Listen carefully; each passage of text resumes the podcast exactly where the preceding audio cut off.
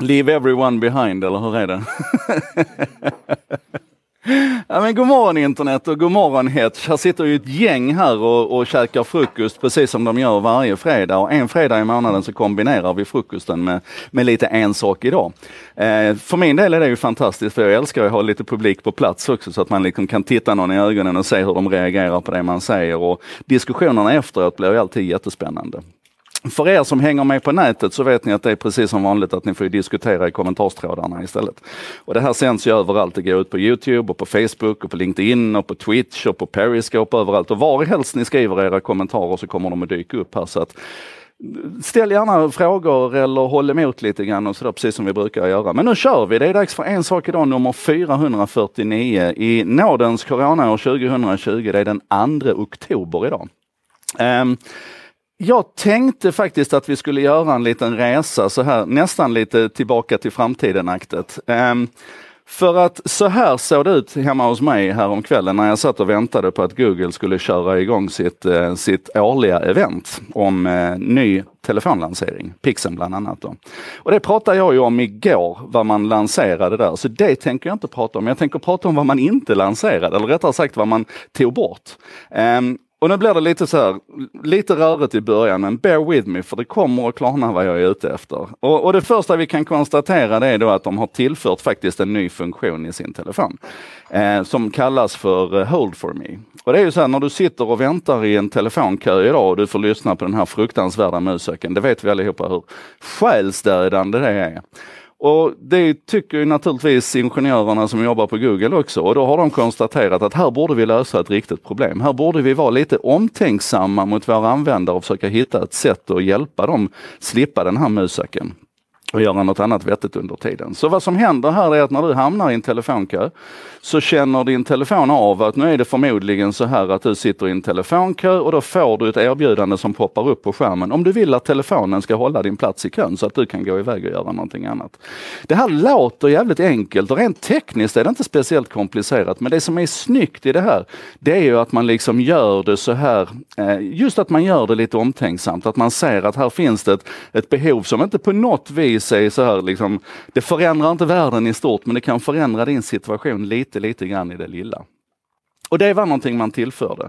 Det man då tog bort, det var den här radarsensorn, Soli-sensorn, som det har varit jättemycket halabaloo om. Google har jobbat med att utveckla den här sensorn i fem år tror jag. Och den gjorde debut i den förra flaggskeppstelefonen, den som hette Pixel 4.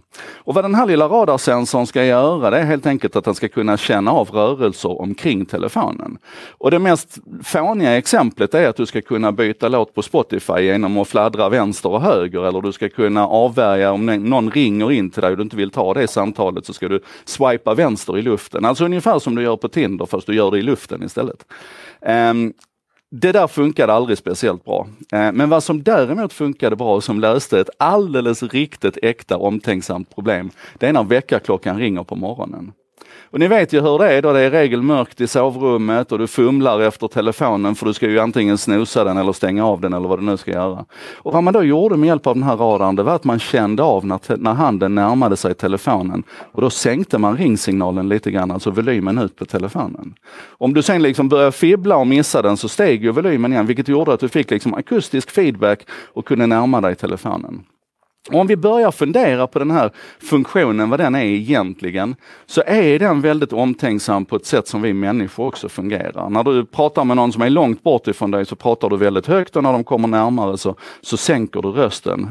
Inte bara för att du inte behöver prata så högt utan också för att det är direkt oförskämt att stå och skrika folk i ansiktet. Och när tekniken flyttar in i den här domänen och börjar fungera på det här sättet, då tycker jag att då gör vi en liten resa ifrån att tekniken bara är smart definieras av Merriam-Webster som att den har quick-witted intelligence till att den blir omtänksam istället och på engelska då thoughtful, att den visar careful consideration or attention. Den blir helt enkelt lite, lite mer medveten om hur den ska interagera med oss som människor. Och det här tycker jag är så spännande så att jag har till och med försökt övertyga Helsingborgs stad att man ska definiera om hela H22-projektet från att det ska handla om en smarter city till a more thoughtful city. Och Det känns som att det där faktiskt börjar landa lite grann. Jag tycker det är någonting när vi börjar prata om tekniken som omtänksam istället för smart så händer det saker.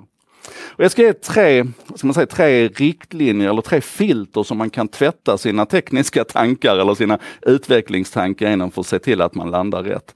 Och, och den första tanken då, det handlar lite grann om det historiska perspektivet på teknik, vad vi kan lära oss att gå bakåt i tiden.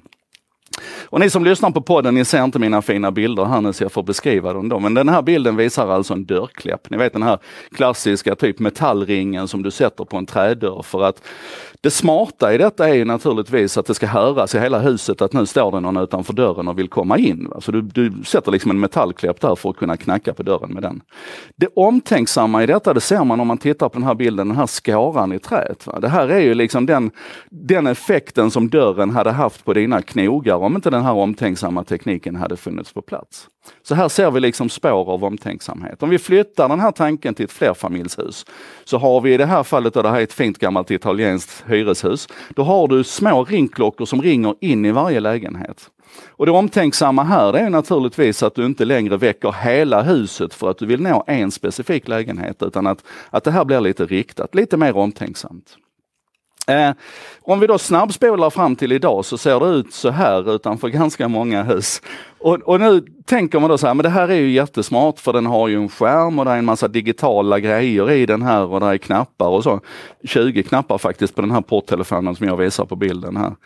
Men problemet är, och ni som sitter här inne, ni ser att där sitter en, en liten suddig skylt där bredvid. Va? Den, den skylten det är alltså en instruktion i sju steg på hur du ska använda den här inom citationstecken smarta porttelefonen. Och då hoppas jag vi kan vara överens om att då är det inte så jävla omtänksamt längre. Då har man sprungit helt vilse i hur tekniken ska funka. Och det där är en sån varningsflagga att vi tror att bara för att vi sätter en skärm och stoppar in lite, lite digitala prylar i en grej så blir den, blir den omtänksam. Mitt favoritexempel är egentligen favoritskräckexempel, det är en kaffemaskin som stod utanför en konferensanläggning där jag var och skulle prata. Och jag dricker mitt kaffe svart, så jag går fram till den här maskinen och så trycker jag på knappen att jag vill ha en svart kopp kaffe. Och maskinen, vad maskinen gör då, det är att den, att den talar om för mig att jag är ledsen men jag har slut på mjölk. Och jag får inget kaffe. Och det är liksom, redan där är det ju fullständigt hjärndött. Men tänker man sen ett steg längre på det här så även om jag skulle vilja ha mjölk i mitt kaffe så är det här hjärndött. För jag som kaffedrickare, kund i det här läget, jag kan ju inte göra något åt att mjölken är slut. Det är inte mig den ska tala om detta för. Det ska ju ringa klockor ute i köket och se till att någon kommer springande och fyller på mjölk på den här. Och då är det så här, då, då är det någon förmodligen som har sålt in den här kaffemaskinen på att det är en fin display på den och den kan funka på 72 språk och så vidare. Men man har inte tänkt på det allra mest fundamentala i vad människor betraktar som omtänksamt när du ber om en kopp kaffe. Det är att få en kopp kaffe på det sättet som du vill ha den. Det andra exemplet eller det andra filtret, wow, det är att, att tänka på att man ibland ska gå den här extra biten med tekniken. Det här är en, en bild på Amazon Alexa uppifrån.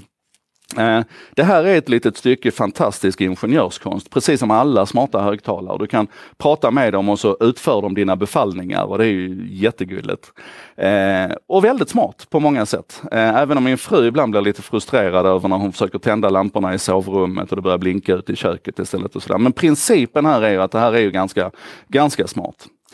Vad Amazon upptäckte det var att det finns situationer där du inte pratar med din högtalare utan du viskar med den. Till exempel när du ligger i sovrummet på kvällen, din partner har redan somnat och du vill släcka ljuset eller låsa dörren eller vad du nu vill göra. Då vill du viska till den. Och Alexa, Amazons hela ekokedja, ingen av dem hade en chans att förstå när du viskar. Och det visar sig då när man forskar lite grann i, i hur, vi, hur vi skapar språk och hur vi, hur vi liksom genererar vår röst. Att när du viskar istället för att prata vanligt så använder du en helt annan mekanism i din röstapparat. Du använder inte stämbanden på samma sätt, du använder inte den här klanglådan och sådär. Vilket betyder att det fanns inte en enda smart pryl i hela världen som kunde förstå en viskande människa. Då lägger Amazon tre års utveckling på det här och ett antal hundra miljoner dollar på att ett, se till att den här förstår när du viskar till den och två, naturligtvis viska tillbaka. Och det här är ju, det här är ju briljant ur ett omtänksamhetsperspektiv för att det är ju inte så jäkla käckt om man går halva vägen här. Man är smart nog att förstå att vi måste kunna viska till den här prylen. Men när den sen ska svara så skriker den lika högt som den alltid gör och väcker din partner. Och har ni en sån här hemma så har ni också märkt hur man, hur man hela tiden skruvar på beteendet hos den här. Att den, att den ofta liksom skjuter in lite, eh, lite uppmuntrande ord och om du tackar den så får du respons tillbaka och så här. Och, och det här är, det här är ett urtyp egentligen på hur man kan gå den här extra milen för att försöka möta användarna och leverera omtänksam teknik. Um, det, tredje, det tredje filtret är egentligen att se till att det hänger ihop i hela ekosystemet. Och idag pratar vi jättemycket om, om självkörande bilar. Och det är helt ställt bortom varje tvivel att de är supersmarta. Även om inte marknadsföringen alltid är så smart, vi så fort vi ska visa att någon sitter i en självkörande bil och inte behöver köra den, så sätter vi en tidning eller en bok i händerna på dem. Som om det är det vi ska göra i våra bilar när de kan köra själv. Jag kan tänka mig tusen saker som är bättre. Ehm, jag kan ju gymma i den, jag kan stå och laga mat och så vidare. Men nej, vi ska visa att man sitter och läser en pappersprodukt. Marknadsföringen är inte så smart, bilen är jättesmart. Men är den omtänksam då? Och då fanns det, det här gjorde jag en sak idag på en gång tidigare, där jag pratade om det här skämtet som for omkring på nätet. Där man sa så här att har du tänkt på det här att om självkörande bilar blir en norm så istället för att, att bilen krockar om, om den som sitter och kör den får en hjärtinfarkt eller en stroke, vilket är ett verkligt problem, det händer dagligen att vi orsakar olyckor i trafiken på grund av att föraren blir incapacitated. Um, så kommer de här bilarna inte att krocka utan de kommer bara fortsätta sin, till sin destination och sen kommer de att stå där. Och bilden vi ska få i huvudet är naturligtvis ett landskap, ett, ett, ett stadslandskap fullt av, av självkörande bilar som står stilla på den platsen dit de skulle med döda människor i. Um, och jag vet inte om det är så omtänksamt. Utan vad jag ser framför mig istället, det är ju att man att man bygger in den här, den här smartnessen i någon slags omtänksamhet. Och det första då det är ju kanske att när, när föraren får en hjärtinfarkt så kör inte bilen till dagis och hämtar ungarna utan den kör till sjukhuset istället. Det är väl rätt så omtänksamt. Ännu mer omtänksamt är kanske om vi vet hur viktigt det är att få hjälp snabbt, att bilen kör till en hörna där det finns en hjärtstartare. Och kan vi sen kombinera det med att det sitter en, en läkare i en annan bil någon annanstans på väg till sitt dagis för att hämta sina ungar, men den bilen den svänger helt plötsligt höger och stannar vid den här, den här hörnan där det finns en hjärtstartare där det sitter en människa i bilen och har problem. Så har vi ju blivit ännu lite smartare och omtänksammare här.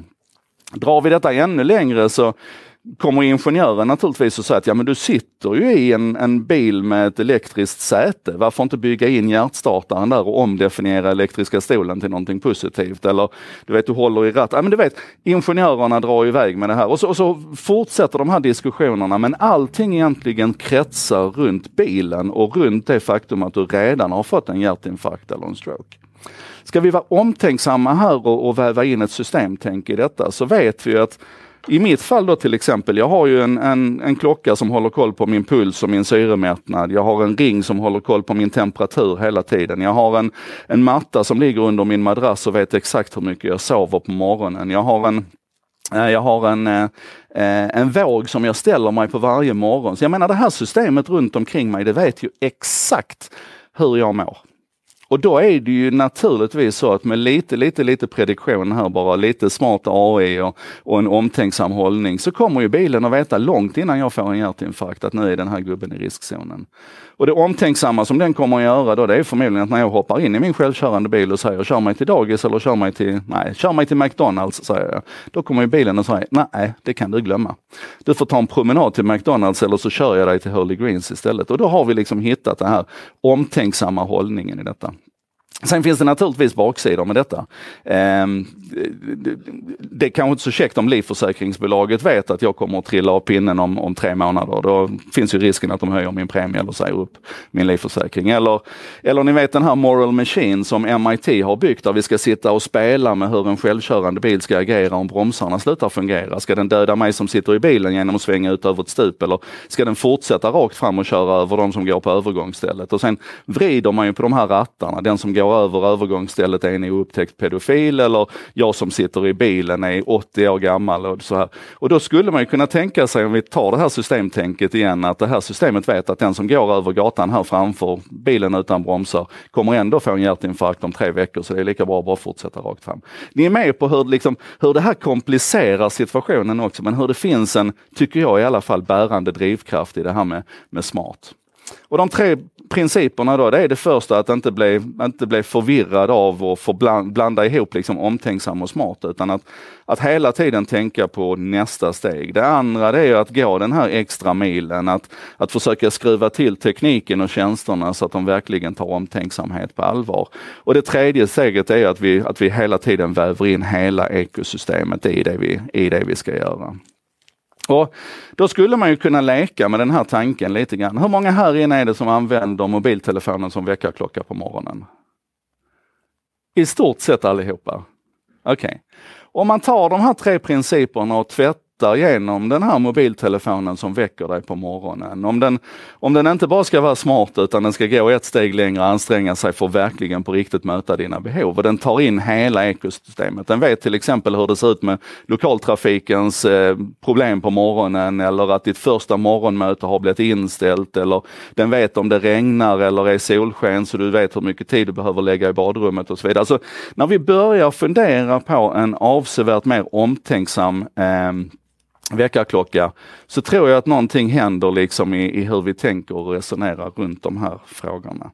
Så det var det jag tänkte att eh, En sak idag skulle handla om, nummer 449. Den handlade om skillnaden och distinktionen mellan smart och omtänksam teknik och hur vi idag, tycker jag, då måste börja fokusera bortom det smarta och in på det omtänksamma. Eh, det var det om det. Ses vi igen på, på måndag tänker jag. Och så eh, får vi se vad vi, eh, jag har inte hunnit ta med några kommentarer här nu men jag dyker upp i alla trådarna och så diskuterar vi vidare där. Tusen tack för att ni hänger på och ha en jättebra helg.